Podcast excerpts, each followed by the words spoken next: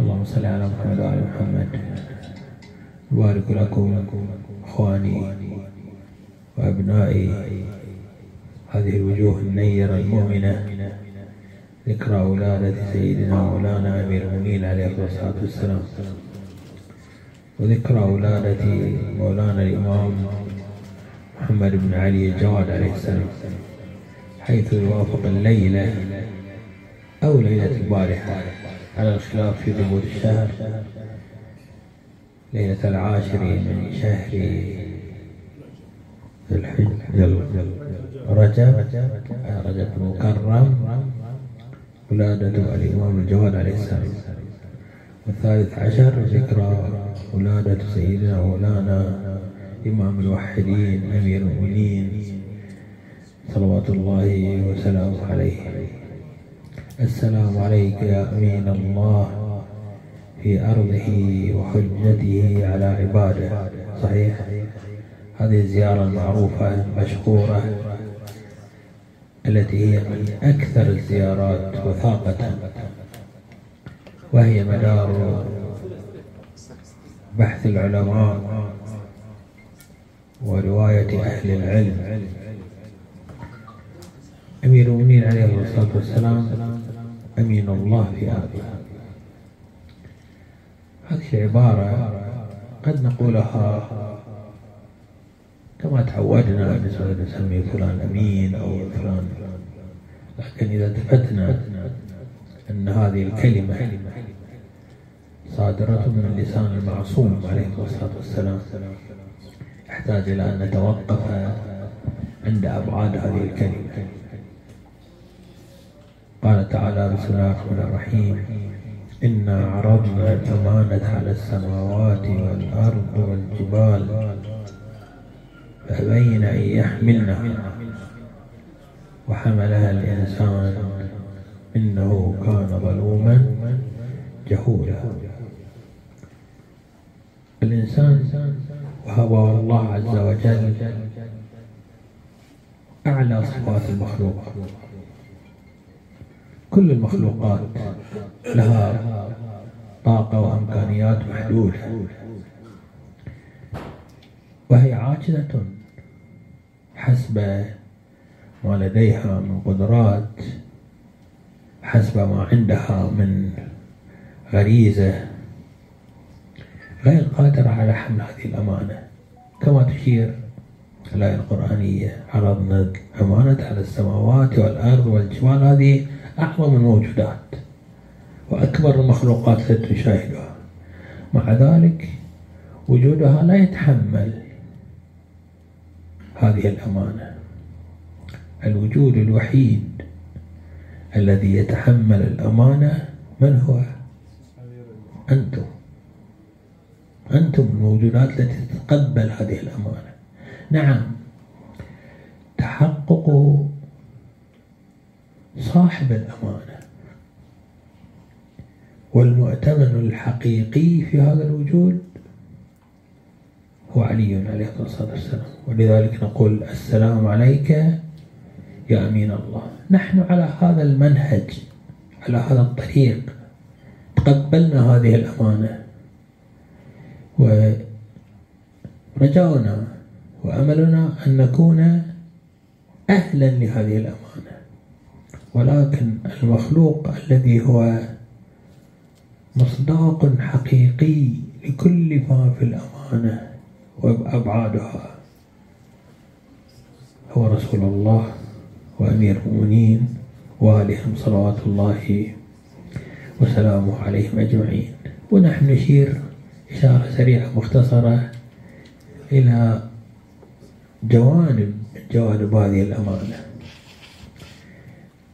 أمين الله أمين في اللغة العربية بصيغة فعيل. صح؟ إذا درسوا اللغة العربية يعرفون أن صيغة فعيل تأتي بمعنى مفعول مثل جريح. جريح يعني ماذا؟ انجرح وتأتي بصيغة فاعل وكثير الفعل. فأما أن علي عليه السلام أمين بمعنى أنه مؤتمن فهذا ما ندركه من سيرة أمير المؤمنين صلوات الله وسلامه عليه. الأمين بهذا المعنى هو الشخص الذي لا نحتمل أن يقع في يمارس خطأ أو خيانة أو غدرا. فنحن نقول على زيد أمين يعني إذا أعطيته مالا أعطيته مسؤولية أعطيته قدرة أعطيته سلطة صرف هذا المال. صرف هذه السلطة صرف هذه القدرة بإخلاص وبصدق. ووضعها في موضعها الصحيح فأمين هنا بمعنى مؤتمن. أمير السلام عليه السلام بذل حياته وجهده لأنه أمين. لم يقبل أمير المؤمنين عليه الصلاة والسلام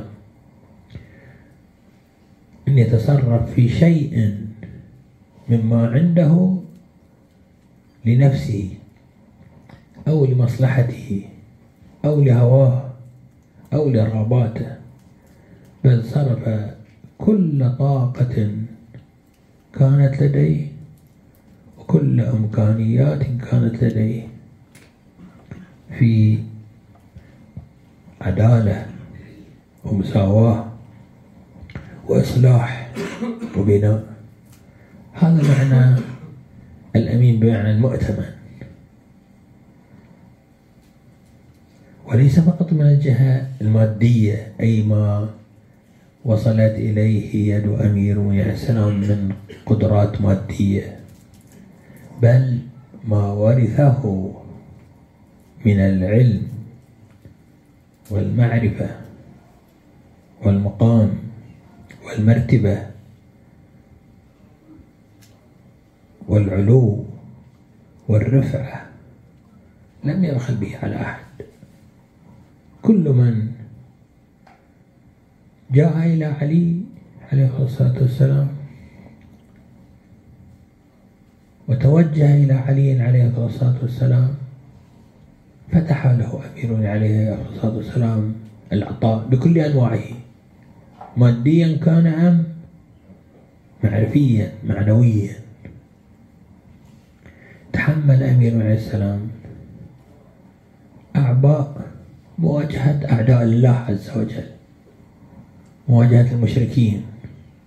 قاتل منذ نعومة منذ بداية عمره الشريف لحفظ رسالة الإسلام. وإيصال الحق والعدالة إلى البشرية. وحتى آخر لحظة من لحظة من لحظات حياته عليه السلام. بقي على هدى العدل والاستقامة والعطاء. فهو الأمين حقا. وأمين عليكم السلام. بمعنى معطي الأمانة ذكرنا أن أمين تأتي بمعنى مفعول أي مؤتمن وأمين بمعنى هو. ناشر الأمن. ناشر السعادة أيها الأحباب. رجالا كنتم أم صغارا؟ ماذا تريدون في هذا العالم؟ تريدون الأمن والعافية والنجاة والفلاح صحيح؟ من ينشرها؟ من بيده هذا العطاء؟ هو أمير المؤمنين عليه الصلاة والسلام. ألستم تقرؤون في الزيارة أمن من لجأ إليكم؟ تريدون الأمن في المال؟ لن تحصلوا على الأمن. تريدون الأمن. في القوة لن تحصلوا على الأمن. تريدون الأمن.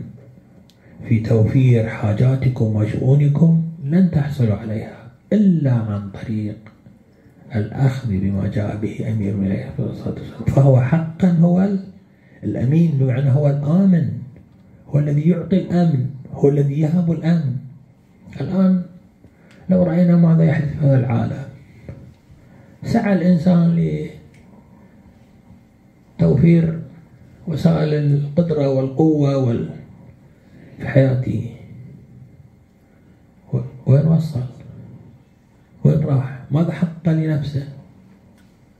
هذا الإنسان الذي حارب وقاتل وعمل طوال هذه السنين. هل وصل إلى الأمن؟ أن يصل إلى الأمن. لماذا؟ لأنه أراد الأمن من غير علي عليه السلام. من غير طريق علي. هذه الأمة التي تاهت عن علي عليه السلام. وهجرت عليا عليه الصلاة والسلام. وابتعدت عن علي عليه الصلاة والسلام. وظنت أنها يمكن أن تحصل على شيء من الفوز والفلاح و على ماذا حصلت ضيعت نفسها على مستوى الأمة على مستوى المجتمع على مستوى الفرد. أنت أيها الابن تريد أن تحقق لنفسك أمن الصحة أمن العافية أمن النجاة أمن الفوز. أمن الدنيا والآخرة. فعليك بعلي عليه الصلاة والسلام لا تقول والله يعني إحنا تعبنا وسوينا وما جابت لنا أحببنا عليا أحببنا أهل البيت. ما نشوف إلا الأمور ليست ما نشوف إلا الصعوبات والشدائد. هذا ظاهر من الحياة الدنيا. أما حقيقة الأمر فالناجي والفائز والذي سوف يصل إلى كمال أمانيه وكمال سعادته وكمال نعيمه هو أن أحب عليا عليه السلام وسار على درب علي ولا شيء غير هذا. لا تبحث عن جهة يمكن أن تحقق لك أملا أو رجاء أو فوزا أو فلاحا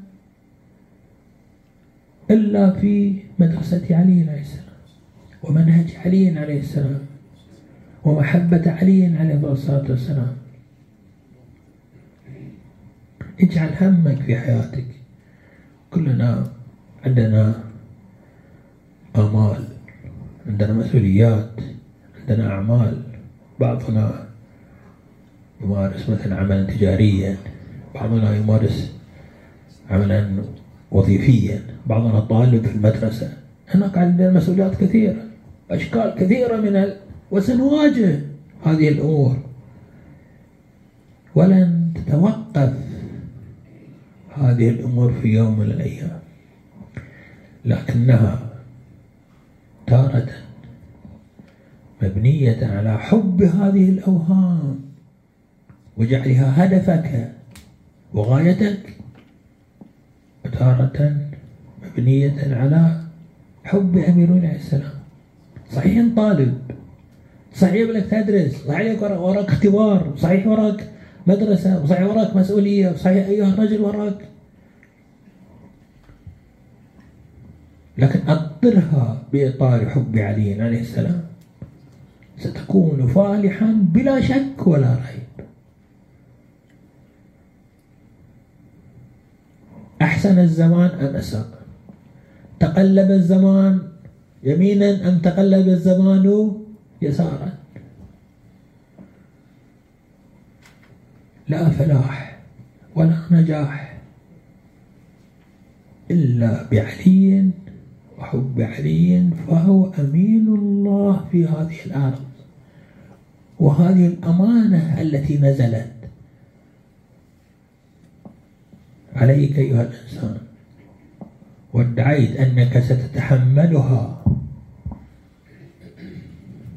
إنا عرضنا الأمانة على السماوات والأرض والجبال فأبين أن يحملنها وأشفقن منها. وحملها أنا وأنت. قلنا يا رب إحنا هالأمانة إحنا يا رب أهل. أعطينا فكرا أعطينا علما أعطينا معرفة. فيا رب نحن أهل لهذه الأمانة. هذه الأمانة هي ولاية علي عليه الصلاة والسلام. إذا كنا من أهل الصدق مع الله عز وجل في تحمل هذه الأمانة فليلا ونهارا وعملا ودراسة ومنهجا سوف نضع في قلوبنا وبين أعيننا ونصبغ حياتنا وجهادنا بحب علي عليه الصلاة والسلام. فهو المنهج الصحيح والطريق الصحيح للفوز بسنة رسول الله وبطريق رسول الله وبرضوان الله عز وجل. نسأل الله أن يثبتنا وإياكم على هذا الطريق وعلى هذا المنهج.